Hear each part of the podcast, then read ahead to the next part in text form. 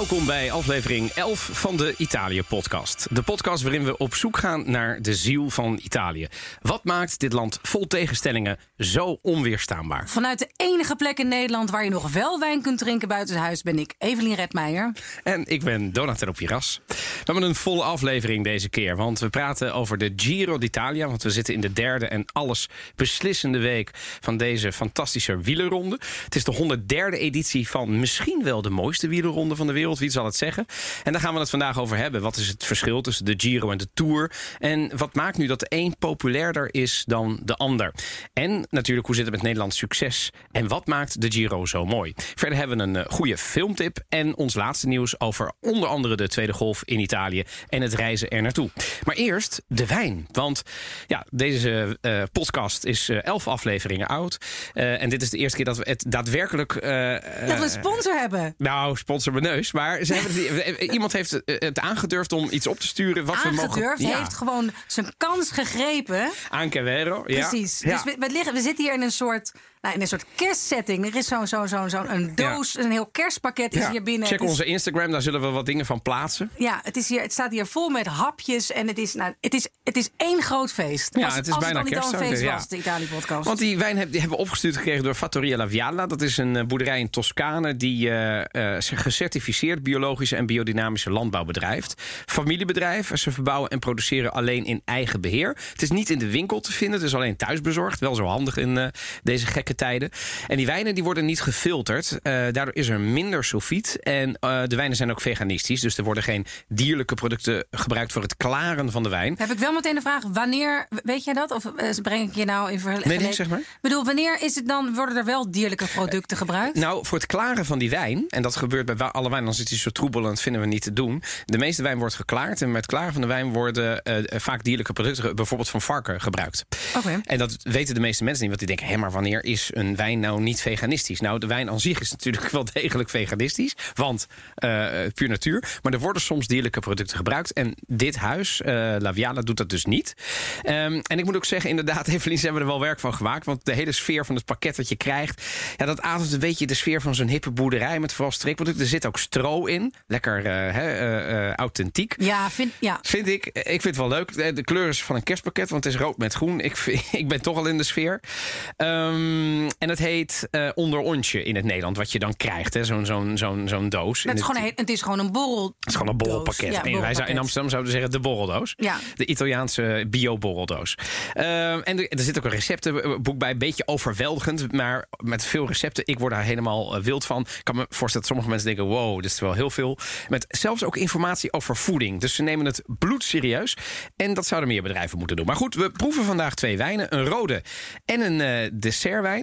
Ehm, ja, eh, ben jij een beetje van de dessertwijn? Ja, eh, ben ik. Ja, ja, ja, dat is ook altijd. eh, ja, nee, de zoete drankjes na het eten. En dan valt dus inderdaad dessertwijn. Dat is in Nederland helemaal niet zo in zwang eigenlijk. Maar ik vind dat super lekker. Maar ik doe het inderdaad niet zoveel. Ook omdat je het, ehm, nou ja, dan wel. Hey, je drinkt het vrij gemakkelijk weg. Dus dat is ook niet altijd goed voor de volgende ochtend. Dus, maar zo nu en dan zeker lekker. Dus ik ben heel benieuwd. Oké, Ehm, ja, we beginnen met een rode wijn. Dat is Podere Cassotta 2015. Het is een EGT, oftewel een eh, Indicazione di Geografica Tipica. Hè, dat is de, de. Ehm, en het is een blend, dus een mix van Pugnatello, Malvasia Oleatico, Colorino en Sangiovese. En die kennen we natuurlijk heel goed. Het heeft 24 maanden barrique gehad en ook nog een keer 6 maanden houten vaten. Ik zou zeggen, een echte winterwijn. Let's taste.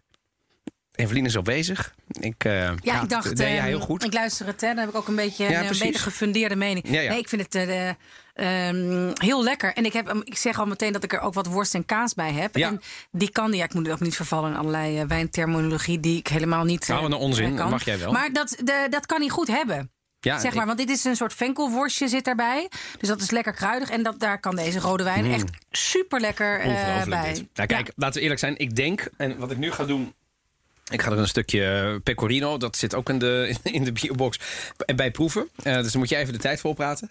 Ja, ik had net een stuk eh een bruschetta in mijn mond gestopt. Maar, er nee, maar dit is wel echt waar. Want het was toen hè, bij de eerste lockdown Weet je nog? Dat het toen het allemaal nog leuk was en we bordspelletjes deden. En de hele tegen elkaar zeiden van dat het ook wel lekker was. Nou, we krijgen nu weer een tweede soort van lockdown. Het heet nu niet de intelligente lockdown, maar de gedeeltelijke lockdown. Het is ook zo doorzichtig, al die termen die dan de hele door iedereen worden gebruikt. Maar ik zou zeggen, hè, kijk eens verder dan. ehm, ja, ja, de eerste borreldoos eh, die zo'n succes had.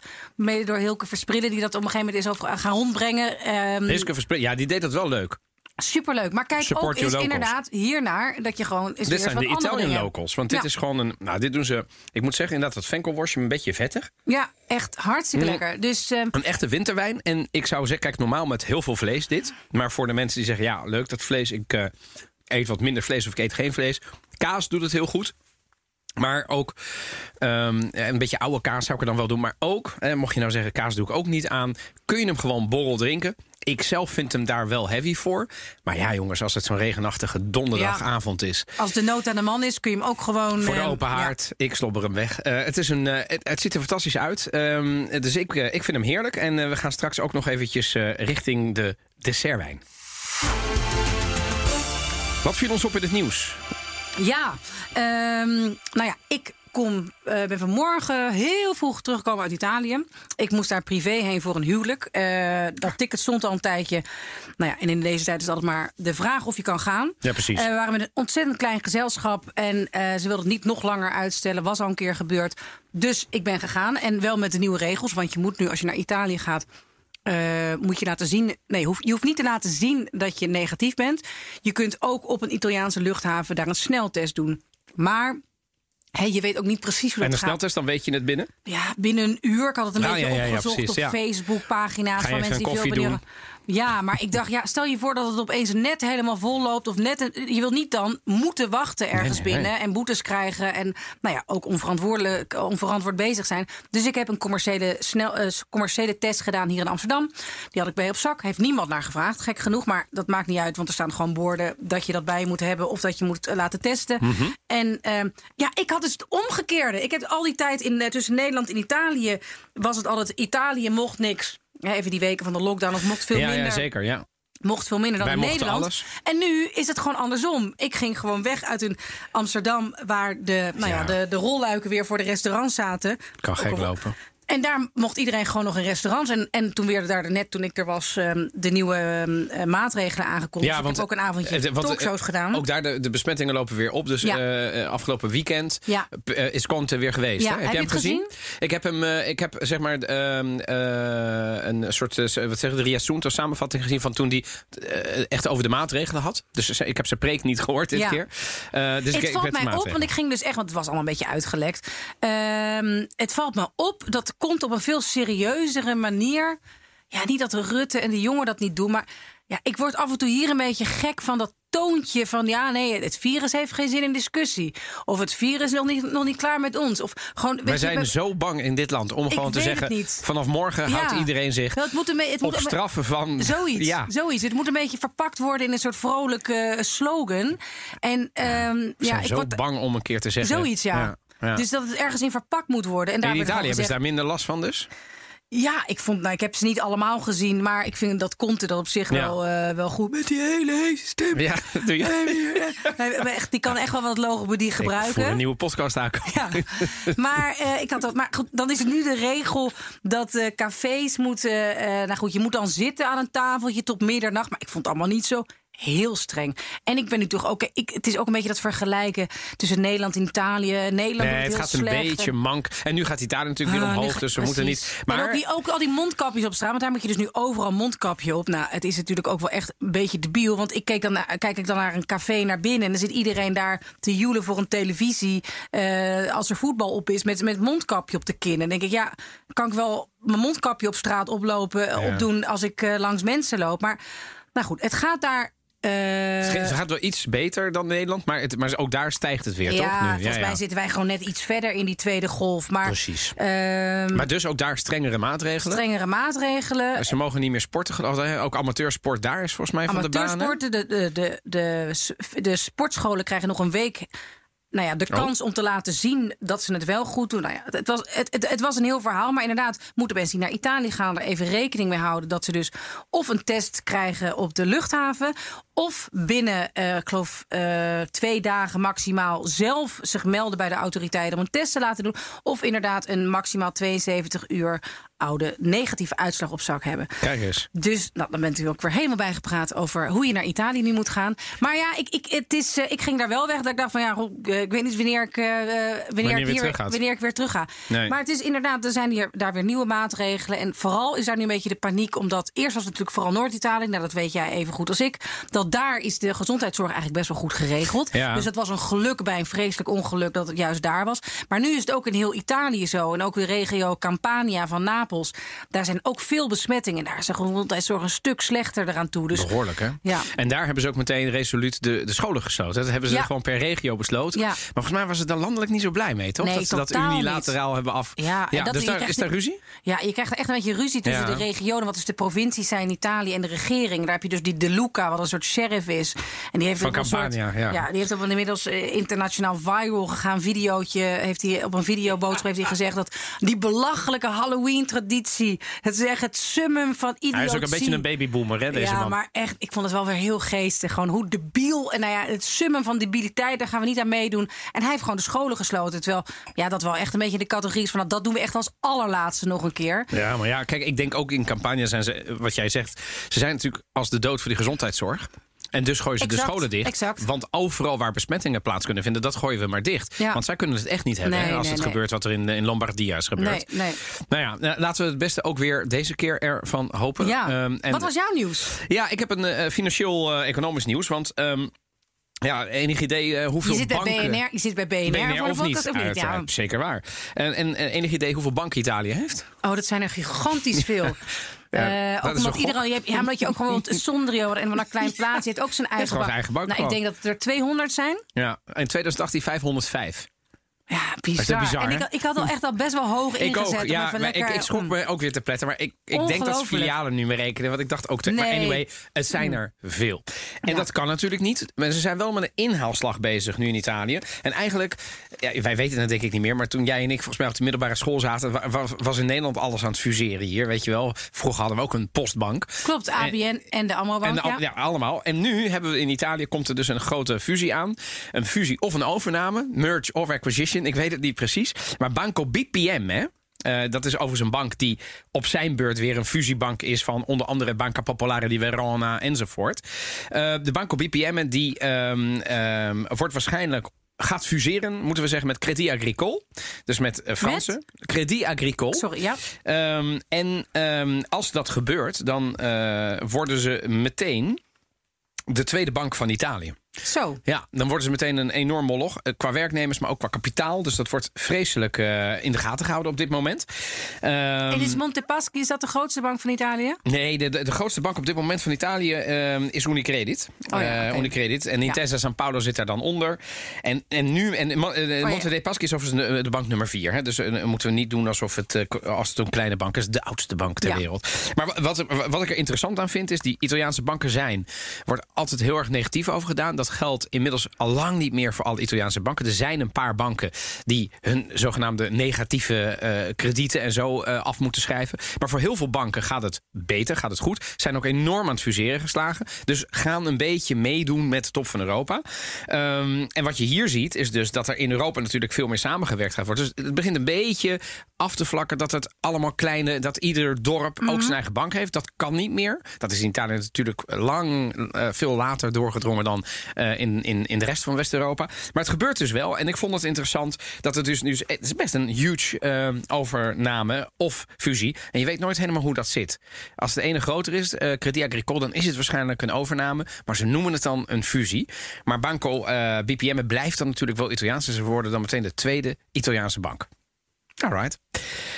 Ehm, nog één ding over die banken overigens, voordat we dit kopje helemaal gaan afsluiten. Ehm, Voordat mensen zeggen, ja, maar er is, uh, hè, gaat het nou goed met... Zei je nou dat het goed gaat met de Italiaanse banken? Ik zei, het gaat beter met Ja, maar de ik denk dat we daar gewoon een keer nog een, eh, een aflevering eh, Nou, aan gaan wijden. Ja, en dan moeten we er eh, dan moeten we een heel heel klein veel- wijntje doen. Want, Precies, eh, en heel veel luchtig onderwerpen om me heen. En alleen maar vrolijke comedies eh, in, de, in de cultuurtip. En eh, Ja? vrolijk berennieuws, ja. maar bene, we gaan naar het eh, hoofdthema. Il Tour de France veniva organizzato già da cinque anni e il vincitore delle ultime due edizioni della corsa a tappe transalpina, Lucien Petit-Breton, era unanimemente considerato come l'uomo da battere al Giro.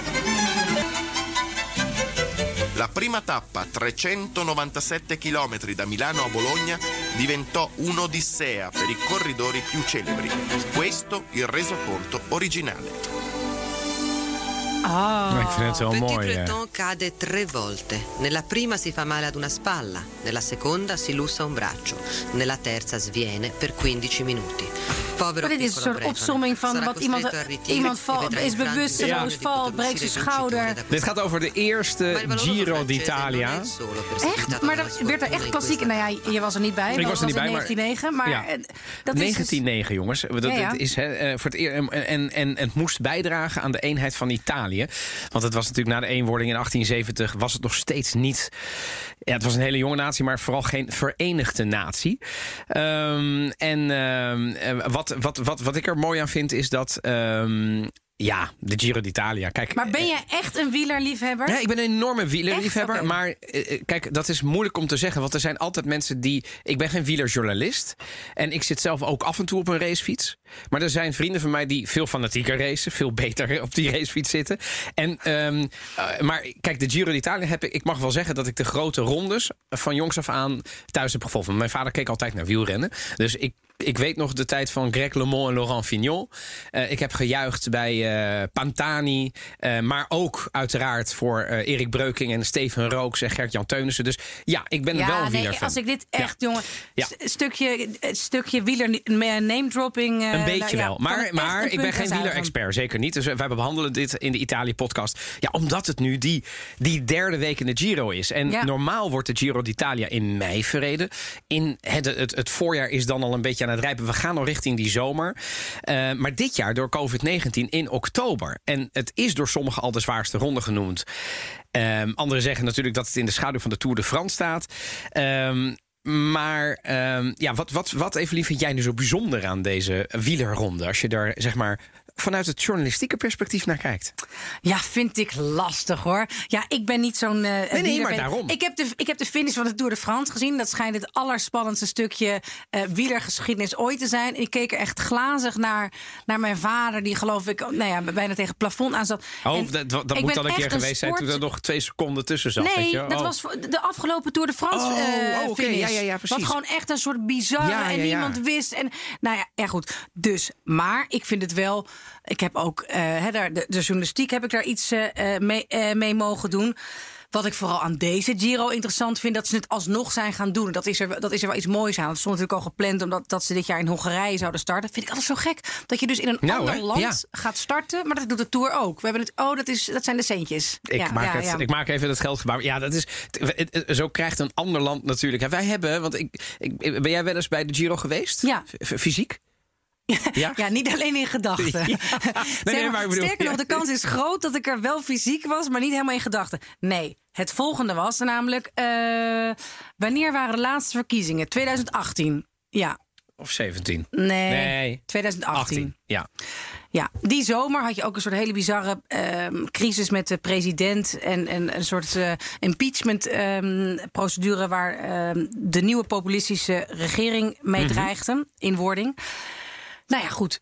Ik werkte toen bij RTL Nieuws als correspondent. Zo, hè, dat heb ik eh, tot voor kort gedaan. Zeker. En ehm, dat is altijd zo leuk. Hè? Je hebt natuurlijk, als je correspondent bent, dan heb je altijd allerlei mannetjes die jouw land proberen in te pikken op het moment dat het gaat over hun onderwerpen. Zo is daar het Koningshuis. Vertel. Mannetje van het Koningshuis. Oh. De wielersport. Mannetje van de wielersport. En toen heb ik op een gegeven moment gezegd, dat was me namelijk al twee keer, hè, ik was tweede- 2016 begonnen, zei ik van, ja, hé, hey, maar die Giro, ja, maar hij is echt een wielerkenner. Ik zei, ja, maar wie zegt dat ik geen wielerkenner ben? Ja, ja, je was, Ja. zat dat. Dus ik, dus ik, speelde meteen, ik speelde meteen die hè, seksistische kaart van... hoezo denk jij dat ik als vrouw niet allerlei wielervaantjes en posters boven mijn bed heb hangen? Ja. Maar goed, Dat was, eh, het, was, het was niet het jaar van Dumoulin. Het bleek niet zo spannend te zijn. Misschien ook, ik weet het niet. Overigens allemaal aardige collega's, hè, voordat uh, dat weer allemaal... Uh, oh ja, ja, zeker, ja, ja. Um, maar goed, ik had toch maar eventjes geregeld dat ik een uh, accreditatie had. Dus de mails gestuurd, paspoort Oh. gestuurd, dingen gestuurd. En toen was het de zondag dat ze in Rome aan zouden komen. Dumoulin kon er alleen nog maar tweede worden. Mijn broertje was op bezoek in Rome. En toen uh, heb ik die nog moeten bellen namelijk. Omdat over hals over kop moest ik, mocht ik toch Dumoulin gaan interviewen. Oh, echt? Ja, en ik, ik mocht eens eventjes gaan oefenen hoe zijn, uh, nou ja, hoe zijn concurrenten, hoe ik dat goed uitsprak. Zeg maar op dat Ja, ja, ja, ja, ja, Maar het precies. was wel, ja, het was wel heel Maar je leuk. hebt dus Tom Ja, geïnterviewd. ik heb Tom Ah, geïnterviewd. ja, ja. en- en- jongen? Hele aardige jongen. Echt hele aardige jongen. Ja, die komt er helemaal zo binnenrijden en zo. Nou, ik vond het echt goed. Ik ben al heel snel... eh, Onder de indruk? ja, nou ja, gewoon maar ook een beetje euforisch over sport. Ik Oh, vind, ja, ja, ik ja, vind ja. topsport echt, echt geweldig. Dus, ik ook, ja. dus ik ben een, eh, wel, ik, als ik daar een kwartier sta, dan vind ik het meteen dat ik denk, oh, dit is echt het allerbelangrijkste ooit, eh, de wielersport. Maar ik heb hem toen vijf, zes vragen gesteld. En ik ben ja, even geoefend. Dat is een beetje goed. van, welk gevoel, ik weet nog wat hij vroeg. Welk gevoel overheerst? Trots op een tweede plek of toch de teleurstelling van een, geen eerste plek? En? Toch, trots van de tweede plek. nou, gewoon van die typische sportjournalistiek. Ja, ik vind het wel heel dat mooi, was ja. mijn, dat was mijn, eh, dat was namelijk trouwens de, de, de, de ronde, de, de finish in Rome, waar ze op een gegeven moment, normaal, dat, dat wist ik toen ook nog niet. Nu wel, nu wel, nu wel, nu wel. Dat, dat jullie niet denken dat eh, iemand eh, zomaar op televisie komt zonder wielerervaring. Je kunt je ook gewoon inlezen, overleggen terecht, met, ja. een, met, een, met een kenner. Ehm, en, en nou ja, ze moesten dus door dat Rome en er zitten veel gaten in de weg. Dus op een gegeven moment was er over na twee ronden zo gezegd: jongens, dit gaat sowieso op geen enkele manier meetellen voor het klassement, want eh, anders vliegt Eindelijk kwamen ze erachter hoe, hoe Ja. het, het, Ivorie, eh, Ja. zeg maar, ja, de boekje in La Strade. En Oh, jij dan? Nou ja, ik, ik, ik, ik, ik twee keer. Eén keer, volgens mij was dat in 2001 in Sirmione, dus aan het Gardameer. En één keer in Amsterdam bij de start in 2010. Want de Giro is dus Oh, ook een keer in, eh, in Nederland gestart. Fantastisch hoor, was dat. Ik vond het heel mooi. Die start, en ik weet nog, dat was een heel mooi, una pedana, hoe zeg je dat? Een soort catwalk. Hadden ze gemaakt op Museumplein. Het was me een spektakel, jongens. Ik vond het echt heel mooi. En al die... Kijk, en het enige is langs het parcours staan is even leuk. Maar ze zijn vrij snel weg, hè? Ja. Maar, ga je dan, maar leg me even uit. Dan ga je daar staan. Maar je moet dan- ook een strategische positie hebben. Dus waar je ziet, ik, ik, bij die lange mensen zeg, nou, er staan ook geen mensen langs de. Nee, want als er het peloton langs komt rijden in, in kilometer 40, dan is het gewoon een compacte peloton. Dat is in, in, in nou, nog geen 10 seconden voorbij. Nou, en dan ga je. Dus het is alleen maar leuk. Daarom zijn die bergetappes zo leuk. Want dan heb je allemaal groepjes. Dan komt er een, een, een koploper en een achtervolger en het peloton en het groep met de favorieten en nog een groep achterblijvers. En daarvoor die reclamekaravaan. Dus dan heb je zeg maar een soort vermaak van uren. Ja, doe je dat in gewoon een vlakke rit waar de sprinters aan bod zijn. Ja, ik kan het iedereen afraden. Dan, dan moet je gewoon bij de finish gaan staan. Of Ja, ja. lekker tv kijken. Want daar hebben we tenminste nog wat camera's. Maar goed, ehm, voor de ervaring moeten mensen het doen. Maar eh, ik wil toch even naar, want dat heb ik een beetje aangekondigd aan het begin van deze podcast. Het verschil tussen Ja, de. dat wilde ik weten van jou. Kijk, Ja. ik kan, daar niet, ik kan daar niet zo heel veel zinnigs Nee, over nee. zeggen. Nou ja, kijk, ik heb natuurlijk ook een beetje. Eh, Ik heb een beetje navraag gedaan naar anderen natuurlijk ook. Hè, want dit is natuurlijk de vraag die heel veel mensen zich afvragen. En dan hopen op een objectief antwoord. En spoiler alert. Er is natuurlijk geen objectief antwoord. Nee, zeker niet van Want- jou als, als een eh Italië. eh, Nou, maar ik wil daar best op- zo objectief mogelijk in zijn. En kijk, ik kijk ook heel graag naar de Tour. En heel veel mensen zeggen, ja, de Tour is nou eenmaal de belangrijkste ronde. Want alle renners van naam doen daar aan mee. Nou, dat, dat, dat is wat waard. Dus, ehm, eh, eh, weet je, het echte wereldkampioenschap is natuurlijk waar alle goede landen aan meedoen. Of alle goede renners in dit geval. was ook een vraag die ik aan Dumoulin heb gesteld. Heb je al een beslissing genomen over de Tour? Hoe ziet dat er nu uit? Oh ja, en? Sprak kon hij nog als geen, eh, nee, hij sprak als politicus toen. Maar goed, weet je, kijk, ik, over, ik kan er over het algemeen wel zeggen. ehm, als je alleen al naar de landkaart van Italië kijkt, nou, die ken jij goed. De, noem jij Ja. het, wat is het vlakke gedeelte in Italië? De Po-vlakte. Ja, en dat is ongeveer het enige wat echt vlak-vlak Ja, is. ja. En natuurlijk heb je nog wel een paar van die plateautjes door het hele land heen. Emilia-Romagna nog een stukje. Ja. Maar, en zelfs Sardinië heeft nog wel wat. Maar het is, voor, het is heel heuvelachtig, heel bergachtig. Kortom, het is nooit zoals we hier in Nederland gewoon tegen de wind inkoersen. Ja. Vlakke etappes. Dus Heb je het is altijd lastig. Zeg je, heb jij wel eens gewielrend? Of, nee, je zegt gewielrend. Heb je wel eens gefietst? Dat is nog makkelijker. Ja. Heb je wel eens gefietst in Italië op een race? Zeker. Ja? Ik heb de Torricelle gedaan. Dat is een berg eh, bij Verona. Eh, bij, zeg maar, van het Gardermeer. Dus ik heb.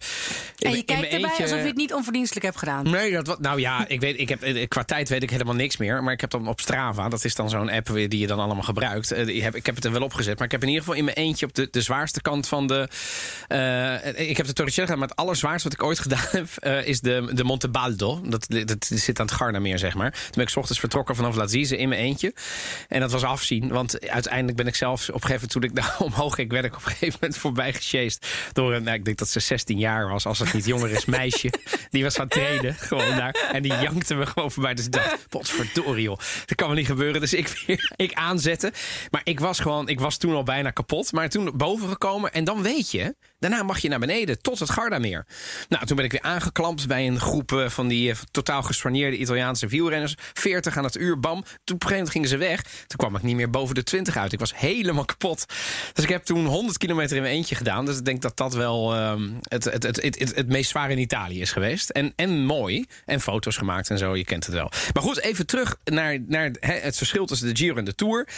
Nou, het ene is in Italië, het andere is in Frankrijk. Het ene is, ehm, ze zeggen dat de, de Giro wat minder medelijden heeft met renners. Dus het wat zwaarder parcours maakt. Dus nog meer bergen erin. Nog meer zware afdalingen. Ehm, je begint, eh, dit jaar begon het bijvoorbeeld in Sicilië op de Etna. Dat is je eerste dag, bewijzen van. Je tweede dag. En daarna, nu zitten we in de derde week. eh, als de luisteraars deze podcast luisteren. Ehm, eh, even voor de record, het is in oktober. Want je kan hem ook dit- nog in november luisteren. En dan is het al ook ja. voorbij. Eh, maar zo, zo- bij, bij opname is het de laatste week. En dan, en dan, en dan krijg je de Zoncolaan. Je krijgt de Mortirolo, de Stelvio, de Gavia, de Poggio di Sanremo, et cetera. De Etna. En daar- Sneeuw mogelijk. En daarnaast dus die weersomstandigheden. Het, kijk, die Tour de France is in juli. Dan is het warm, dat weet je. Dat is ook niet leuk. Maar je hebt zelden tot nooit sneeuw. Je hebt zelden tot nooit sneeuwval. En je hebt zelden tot nooit dat het hele parcours moet worden omgelegd door de weersomstandigheden. In de Giro is dat schering en inslag. Het was normaal in mei. Het is nu in oktober. Het is nu nog erger. Eh, het is dus op donderdag 22 oktober deze week. Later deze week de bedoeling dat de befaamde Stelvio weer beklommen wordt. En die aankomst is eh, 1945 meter hoogte op het stuwmeer Lago di Cancano. Eh, en dan van Prato via de Stelvio dalen ze naar Bormio, een wintersportoot. En dan klimmen ze dus naar dat stuwmeer. En dan zou het ongeveer zo kunnen klinken. Maar een etappe met de Passo di Gavia. 2621 meter. En echt, het sneeuwde. Het sneeuwde zwaar. En de renners van de Giro moesten hier doorheen. Juni 1988. En Johan van der Velde rijdt alleen aan de leiding. Ziet u naar het wegdek Is het 1988? op de Gavia. Daar ligt Mark geen Smeets zijn stem is gewoon Terro Battuta, zoals ze dat precies noemen. hetzelfde En daar rijdt onze Awesome. landgenoot in zijn paarse trui, de leider in het puntenklassement. En hij ziet af als nooit tevoren. Zijn poging is meer dan vermetel. Hij probeert alles, maar hij krijgt een ongelofelijke klap van de kou. Hij moet drie, vier, vijf keer van zijn fiets af, omdat hij niet meer voort kan. Hier Ja, dat was toen. is dit heerlijk, dit was ja. e- ten eerste, eh, eh, mag ik dat zeggen? Ja, dat mag ik zeggen. Ik vind Bart Smeets dus fantastisch. Eh, maar het is ook toen Bormio, maar toen de Passo de Gavia. Breuking deed toen goede zaken overigens. Dat is later in die etappe. Maar een andere Nederland die beleefde dus echt de hel voor wielrenners. Ehm, eh, ja, en ehm, eh, sommige renners hebben ook voorkeuren. Ik weet niet wat de voorkeur van Tom Dumoulin is. Maar er zijn renners die de Tour de France fantastisch vinden. Maar er zijn er ook die de Giro leuker vinden. Zo zat ik ooit. Ik voel een bruggetje Ja, aankomen. Ja, zo ja. zat ik ooit. Puur toevallig. Transavia vlucht Verona Amsterdam. Ehm, en ineens zat ik naast eh, Michael Bogart. Met Nee. ja, met zijn eh, vrouw toen nog. Want inmiddels gescheiden. En eh, zijn eh, kind. En eh, die kwam terug van trainingskampen. Die trainde altijd daar bij die Torricelle enzovoort. En, eh, dus ik was natuurlijk enorm... eh, volg je het een beetje? Zei, Ja, ja, ik volg het een beetje. En hoe gaat dat dan een beetje? En het ging toen over wie, de, wie, de, wie, de, wie het puntenklassement zou winnen dat jaar. En of, of die dat nog kwam. Nee, dat kon niet. Want, anyway, ehm, een beetje gevraagd van... joh, maar de, de, de, de, Tour komt eraan. Hé, ja, maar ik... Ach, die Giro. Ik zou zo... Die Giro, dat, daar was die fan. Ik zeg, maar waarom? Ja, sowieso Italië veel leuker dan, eh, dan Frankrijk. Zei, ja, oké, eh, kan. Nee, maar dat is echt zo. Dat, eh, dus het ging over de sympathie voor het land. En, de, en hij zei, ik train ook veel liever in Italië. Hij kwam dus ook terug van zijn eigen trainingskamp daar. Dus er zijn ook gewoon persoonlijke favorieten. Ik vond het een leuke encounter. zo ergens Zeker. op een paar kilometer hoogte met Michael Bogart. Ehm, en ehm, dus ja, is er een verschil tussen de Giro en de Tour? Ja, dat is er. Het is vooral wat fans er zelf van vinden, wat wielrenners er zelf van vinden. Sommigen zeggen dus, ja, de Italianen die maken hem nog iets erger, maar het is net Italië, vind ik, die Giro. Soms is het fantastisch, want prachtige ge- vergezichten enzovoort. En soms is het Evelien de hel. Want dan, dan, dan hebben ze dus weer, net zoals dit jaar, er kwam er een helikopter dus te laag vliegen. Waardoor die dranghekken omhoog vlogen. En die raakten dan twee wielrenners. Ja, dat is ook Italië. Het is de schande. Ja, maar ja, en weet je, dat, en dan denk je, potverdorie, hebben ze dat dan niet voor elkaar? Nee, ja, dat kan ook gebeuren. Ja, dat je echt kijkt, jongens. Ja, ja. Ja. ja, jongens, ja. Ja. Hey, ehm, eh, Evelien, eh, Nederlands succes? Nou, ik heb het er eventjes eh, bijgepakt, zal ik eerlijk zeggen. Nee, ja, ik had het natuurlijk hè, gewoon in de, in de headlines. Eh, er is nu nog hoop op Kelderman, Ja. Wilco Kelderman. Maar Die staat gewoon tweede, joh. De grootste shock is dat Van Kruiswijk positief testen. Steven Kruiswijk. Sorry, sorry. Ja, ja, ja, ja dat is fantastisch. Ja, voor, voor COVID. Ja, joh. Maar dat vind ik dus wel bizar. Want dan denk Ja. ik, maar hoeveel geld Ja. hangt daarvan af? Ja. En dat je dan, hoe erg zal hij zijn afgeschermd en zo? En dat, dan denk ik van ja. Ze zit oké. in de bubbel, toch? Ja, ze zit in de bubbel, maar dan is er toch waarschijnlijk iets in een restaurant dat je dus toch. Maar ze testen bijna iedere dag of om de tweede. En gisteren dus weer. En dan krijg ik zo'n zo, eh, eh, eh, alert van de Gazzetta dello Sport op de telefoon. Niemand positief in de Giro. Dan denk ik, nou mooi, want dan kunnen we weer door. Maar die arme Kruiswijk, ja, die, die baalde jongen. Die baalde interview gegeven. Hij was, echt, hij was er echt kapot van. Ja, maar dat, dat snap ik. En, Ja, natuurlijk dus snap ik dus je krijgt nu, en dat is hetzelfde overigens met allerlei voetballers, die dus positief testen, zich gewoon prima voelen, maar dat je ze gewoon geen kant, kant op kan. Maar ik vind het dus wel bizar. Hetzelfde geldt voor even klein ehm, Ja, ja. ehm, zijstraatje eh, van bijvoorbeeld een Ronaldo die positief testte. Sorry, nee. nee.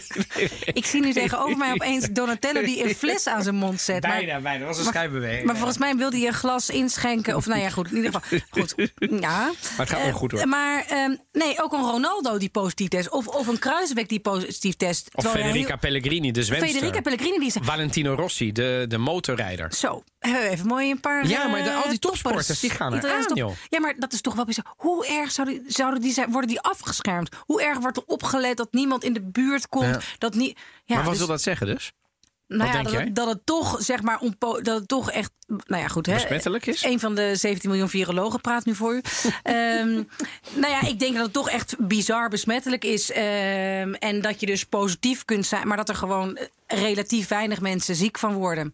Maar dat is dat, dat Nou ja, positief ik- zijn en, en ook een heel groot probleem is. Dat Ik volg ja. dus die, eh, die eh, Pellegrini, Federica Pellegrini, op, eh, op social media. En die is dus... eh, die, die, die- Zit in Boedapest. Ja, en die, die, nee, die, zou- daar zouden ze naartoe moeten. Oké.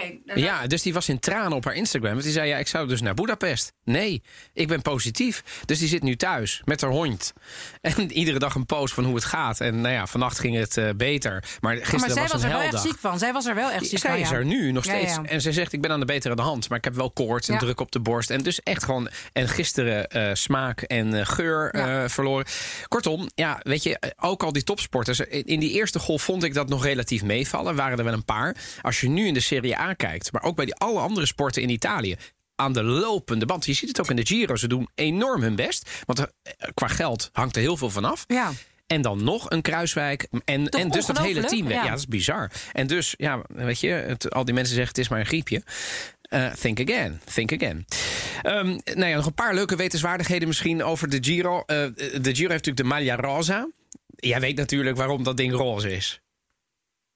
Ik kijk even naar je. Ja, want ik Ja, hoop dat je het niet eh, weet, want dan kan ik, los. oh, ja, ik, heb, ik heb wel vandaag al best wel eh, qua eh, quizvragen er best wel wat gehad. Ook best wel veel goed gehad. Maar nee, ik weet niet waarom die roze is, moet ik zeggen. Nee. Omdat de Gazzetta dello Sport... Oh ja, oh, wat de- grappig. De, de. Vanaf- organisator ja, was. Ook al vanaf begin eh, van Ja. 1909. Ja, ja, en dus ja. Is, de, de, is het de roze trui.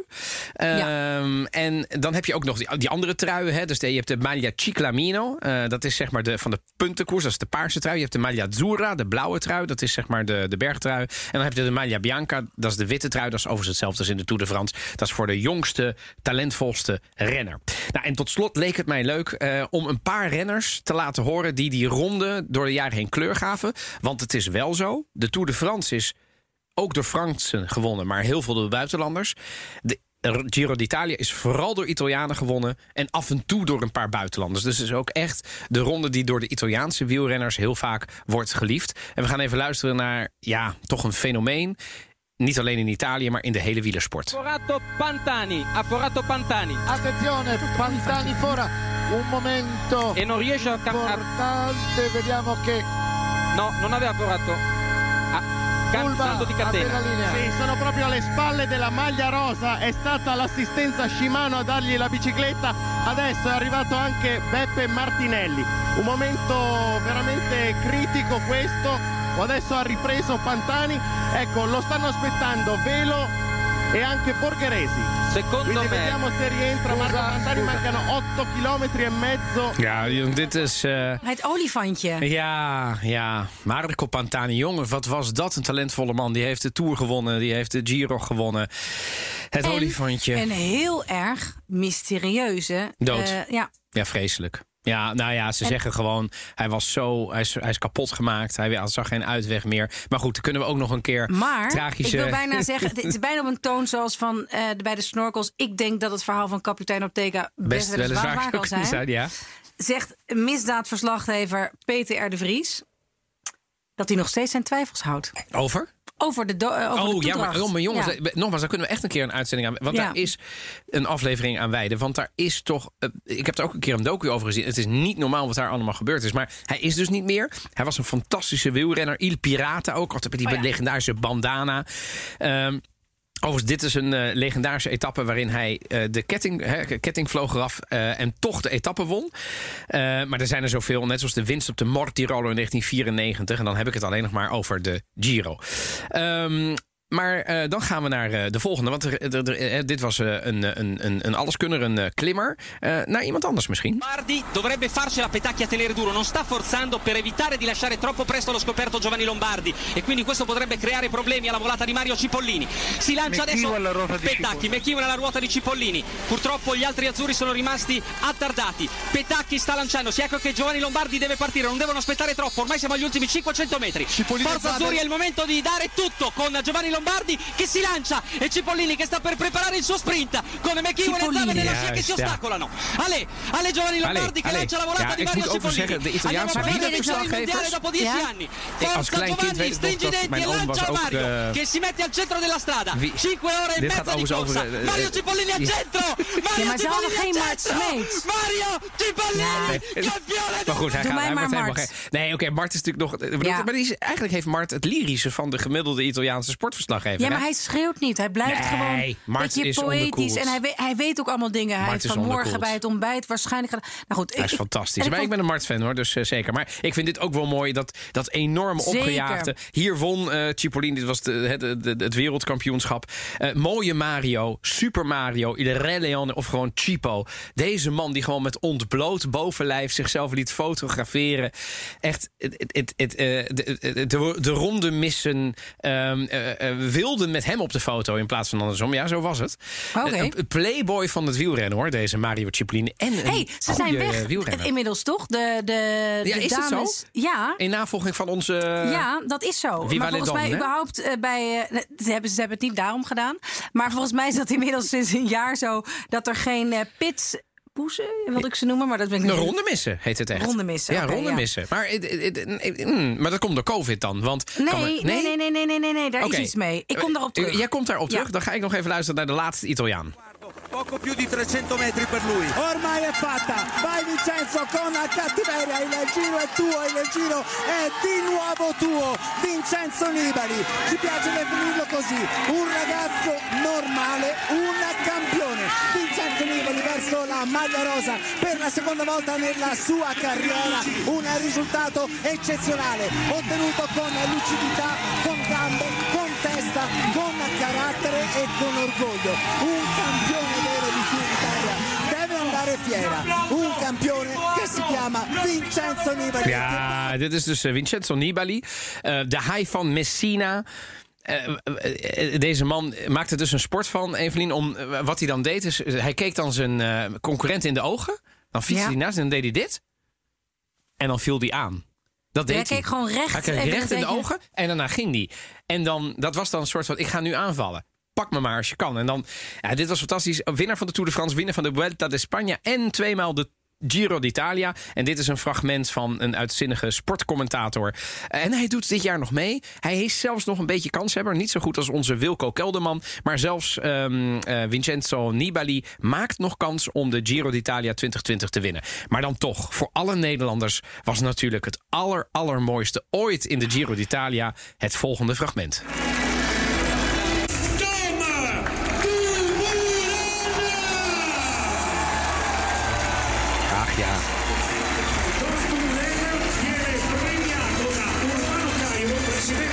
En dan gaan we nu horen wie hem allemaal eh, iets mag omhangen. eh, welke hoogwaardigheid. Maar dit was natuurlijk fantastisch. 2017, onze Tom Dumoulin, Ja. die de Giro d'Italia won. Ja, en ik, ik mocht het jaar daarna voor zijn nummer twee Ja. eh, even een microfoon onder snuffer duwen. Ja, nee, dat was, dat was geweldig. mooi, ja. Dus ik was, daarom was ik ook echt extreem jaloers om gewoon bij zo'n groot eh, evenement dan een, eh een wielerverslaggever Nee, maar voor te moeten Ja, gaan. ja, ja, ja. Aan de andere kant, ja, die, en die heeft mij toen ook het jaar dat ik het dus mocht doen op al heel erg last minute heel erg geholpen. Maar ik heb intussen, Ja, en heb je het? ja, zeker. De Tour de France neemt definitief afscheid van de ronde missen. Bericht van augustus 2020. Eh, voor de Giro geldt dat nog niet, helaas. Oké. Nee, dus, eh, nou ja, helaas. Maar goed, dat... eh, dat, dat Kortom, er zijn gewoon nog ronde missen. Maar, ik, maar ja, ze mogen nu niet meer zoenen. Want de mondkapje is allemaal minder. Ehm, ik ken overigens ook nog ronde missen in Italië. Die zelf wielrenster zijn geweest en trots waren. Dat was, dat, haar, de moeder was... ehm rondemis, zij was rondemis. En die zit in die docu, fantastische documentaire... die ehm, ehm, nou, ik ben zijn naam kwijt. Hoe heet die nou? Eh, die is zo- zo'n fantastische eh, wielerdocu over La Primavera, over Milan Sanremo. Eh, die is nog te zien op YouTube. waarin allerlei Italiaan en ook buitenlandse wielerdeskundigen aan, aan bod komen. Ehm, maar dat is, die moet je echt terugzien. Dat gaat niet eens over de Giro, maar het gaat over La Primavera. Dus over de, de, de eer, een van de eerste wielerklassiekers van het jaar. Milano-Sanremo. Eh bijna 300 kilometer op de, op, de, op de klok. Het is een fantastische koers. En het is een hele mooie docu. En daar komt dus een Italiaanse dame aan het woord... die zelf eh, door haar moeder als rondemis de bloemen kreeg overhandigd. En dat maakte haar heel erg emotioneel. En die is nog steeds te zien. Die is zeker nog steeds te zien. Dus dat is echt een, eh, een grote tip. Goed, tot zover de Giro d'Italia. Voordat we naar die tip gaan.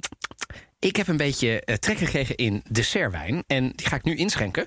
Ehm, want, en zie je wat er gebeurt? Welke kleur heeft deze? Want bij dessertwijn denken we meestal toch aan een witte wijn. Ja, dit is eh, rood.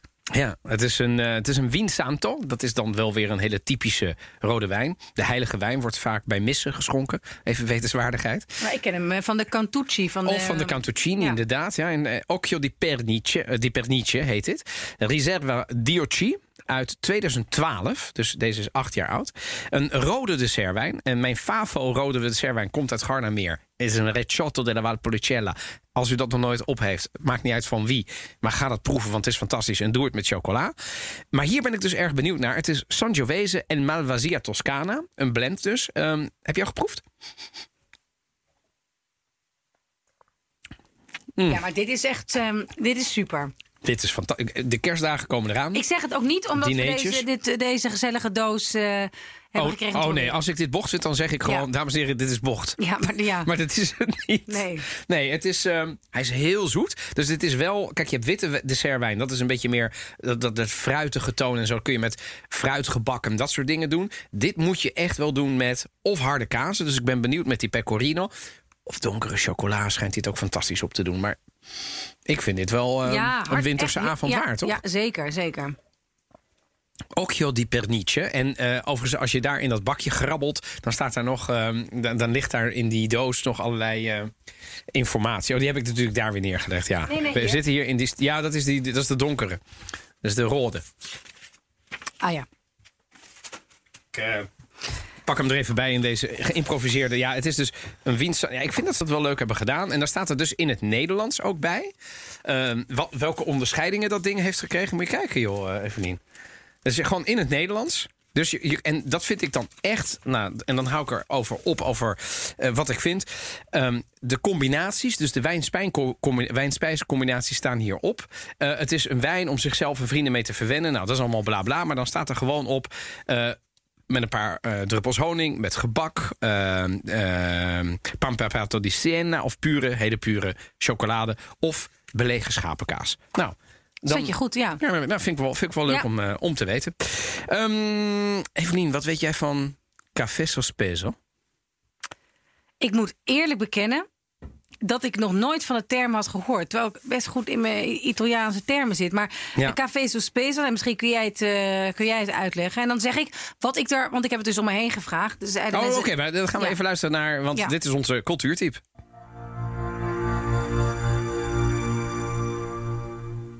Il caffè a Napoli è una vera bevanda sociale, nessuno deve essere escluso eh, dal consumo del caffè, neanche le persone più povere. Io vado al bar, ordino un caffè, lo bevo ma non ne pago uno, ne pago due. Vuol dire che lascio un caffè sospeso a, a beneficio di Ja, dus hier zegt hij eigenlijk... Een café sospeso is... Ik betaal in een bar niet maar alleen mijn eigen koffie, maar twee koffie. Dus ook voor de persoon die na mij komt. Ja. Dat is dus eigenlijk een... Ja, en het is dus in Napels ontstaan. Je Ja. gaat naar de bar, je rekent af. Ik weet nog dat ik in mijn studententijd... eh, het was verboden bij ons op de studentenvereniging om een bier... om één bier af te rekenen, want je drinkt namelijk nooit alleen. Ja, Dus als je, ken ik, ja. hè? dus als je bier bestelt, dan bestel je er altijd twee. Want dan kijk je maar om je heen. en Er is Ja. altijd iemand die ook een biertje wil. Dus eigenlijk hetzelfde principe. Je gaat naar de bar. Als je alleen bent, prima. Dan, maar je rekent er altijd één af. Want er is altijd iemand die misschien geen geld bij zich heeft... of het gewoon niet kan betalen. Maar iedereen heeft recht, dat vond ik het mooie... Ja. op een kop koffie. Ja. En een goede kop koffie. Dus iedereen heeft recht. Dus als je het niet kan betalen, dan moeten anderen het maar voor je doen. En zo is die Café Sospeso dus eh, ontstaan. En ditmaal is het dus een Netflix-docu. Althans, een docu die op Netflix te zien is. Café Sospeso. En het speelt zich af in Napels, in Buenos Aires en in New York. En mensen bespreken dan de Napolitaanse traditie van die zogenaamde uitgestelde koffie. En hoe deze hun leven heeft veranderd. Het zijn wel verhalen die vind ik nogal compleet verschillend zijn. Ehm, dat, maakt het ook wel weer mooi. De regisseurs zijn Fulvio Janucci en Rodi Santos. Had ik eerlijk gezegd nog nooit eh, van gehoord. Ehm, ja, wat vond jij ervan? Ja, even nog terug te komen op Café Sospeso. Ik heb het om me heen gevraagd. Dus ook iemand die lang in Napels heeft gehoord. Die kent het vooral van... ehm, in een bar waar je dus vaak met vrienden komt en eh, die is er even niet. eh, en jij je bent aan het ontbijten. Eh, of, je, of je doet een koffie en je zegt van nou ja, een ko- café Sospeso voor eh, weet ik veel, eh, Gianni die na mij komt. Dus niet helemaal, hij kent het niet van dat je het gewoon aan een wild Aan een vreemde. Nee, maar wel voor iemand die naar je kwam. Ja, maar nee, maar wel van, gewoon van. Want dan komt Gianni, de vriend, binnen. Ja, ja. En die zegt: Ja, er is een koffie voor jou Ja, achtergelaten. maar dat kennen wij ook niet, hè? Nee, nee, nee, daarom. Dus, dit, Maar het is- dit- bedoel, het valt allemaal onder de- ja, ja, fantastisch, Het is heel ja. geinig. Nee, ik vond het. eh, ik heb het, is, het is wat ik ook wel fijn vind. Het, was, het is gewoon een documentaire van een uur en tien minuten of zoiets. Ja, het is heel kort. Ja. Het is, eh, ja. Dus dat is. ehm, Goed te en ik- doen. Het is goed te doen, inderdaad. Maar ik vond. eh, Buenos Aires erbij, New York. Dat Buenos Aires had er van mij afgemogen. Ik vond het gewoon het leukste om naar Napels te kijken. Ja. Maar dan denk ik van ja, ben ik nou biased? Zou kunnen. Ja. Nou ja, ik ben dan ook baas, want ik dacht Napels is goed. En toen kwam New York erbij. Dat was zo Amerikaans. Ja. Dat was een dochter van een Amerikaanse immigrant. Maar zij... haak in de maag. Oh mijn god. Maar goed, Ja. anyway. En dat Buenos Maar ik, Aires, ik dat moest was de freak denken. show. Ik moest aan jou denken, want zij voelt Hmm. dus... Nou ja, goed, kijk, want het is natuurlijk heel anders. Want jij hebt gewoon... ehm, ehm, Nu komt het. Nee, kijk, zij is gewoon een kind van eh, iemand die ooit in, wel in, die in Italië geboren is. Ja, ja. En zij blijft heel erg zeggen, ja, maar ik voel me echt Italiaans. en Zeker, het is een dat deel van zegt ze, ja. En dat vind ik dus heel grappig. En dat vind ik echt ook wel een beetje Amerikaans of zo. Niet meteen negatief. Ik geloof maar- wel dat, ze het, dat het ook echt zo is, want ik herken dat ook wel weer. Hè. Ik bedoel, ik heb altijd gejuicht voor het Italiaan, voor Yazzurri. Want Ja. dat was nou eenmaal zo, want je was een zoon van Italiaanse gastarbeiders, hè, om het maar even hard te benoemen.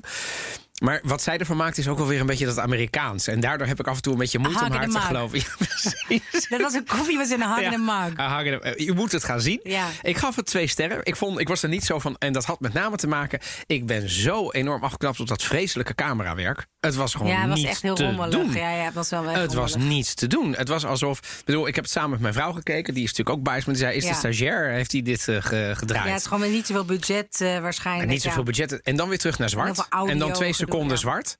Ja. En dan weer door. Weet je wel? Dus het was allemaal. Ik, er waren een paar verrassende wendingen. een gegeven moment was er iemand dood. Dacht ik, oh, hij is dood. Nou, anyway, dus Nou, ik heb wel, uiteindelijk heeft het me, want ik heb het wel afgekeken. Ja.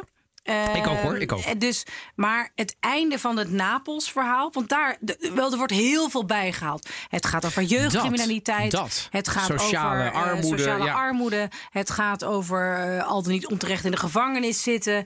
Het gaat over, over van alles. Maar ik, ik was op een gegeven moment wel aan het meeleven. En ik vond het einde, even een, een, een, een cliffhanger, was ik wel echt even gechoqueerd hè, van die tekst die dan in beeld kwam. Van zo is het nu met ze. En dat ben Niet ik helemaal met je eens. Dus ik zou tegen iedereen zeggen: ga het sowieso Ja. kijken. Ik geef het niet de meeste sterren in mijn leven. Nee, maar wel die hele obsessie met vooral Napels over dat, koffie. maar en... de Café Sospeso, ja, ja. als je nooit ervan gehoord hebt, dan moet je leuk. er even naar kijken. Want die uitleg zit vrij in het begin. En die is fantastisch. En dit was alweer aflevering 11 van de Italië-podcast. Blijf vooral luisteren, blijf reageren. Dat vinden we oprecht interessant. Met tips, suggesties. En natuurlijk genieten we ook van de complimenten. Of Maar van vooral- wijn, eh, wijnboxen, Precies, borrelboxen. Ja. spread the word. Want ehm, eh, we, we- we recenseren de wijn, maar ook cultuurtips. Dus laat die vooral eh, achter.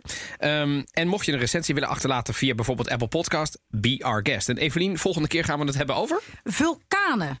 De Etna, de Vesuvius zijn de bekendste, maar er zijn nog veel meer. En ze zijn vaak actief. Ze hebben, hoe tragisch ook, historische schatten als Pompeii opgeleverd. En ze zorgen voor extreme vruchtbaarheid en daardoor bijzondere wijnen. Maar vooral zijn de actieve vulkanen in Italië een constante zorg. En liggen er hele gigantische evacuatieplannen klaar voor wanneer het misdreigt te gaan. En de vraag is niet of er weer een gigantische uitbarsting komt in Campania, de regio van Napels, maar wanneer. Ik ben super benieuwd naar de volgende aflevering. Wil je nog meer afleveringen van de Italië-podcast luisteren? Dan vind je ons in de BNR-app natuurlijk of in je favoriete podcastplayer. Bedankt voor het luisteren en heel graag tot de volgende keer. Ci sentiamo. Ciao, ciao. Ciao.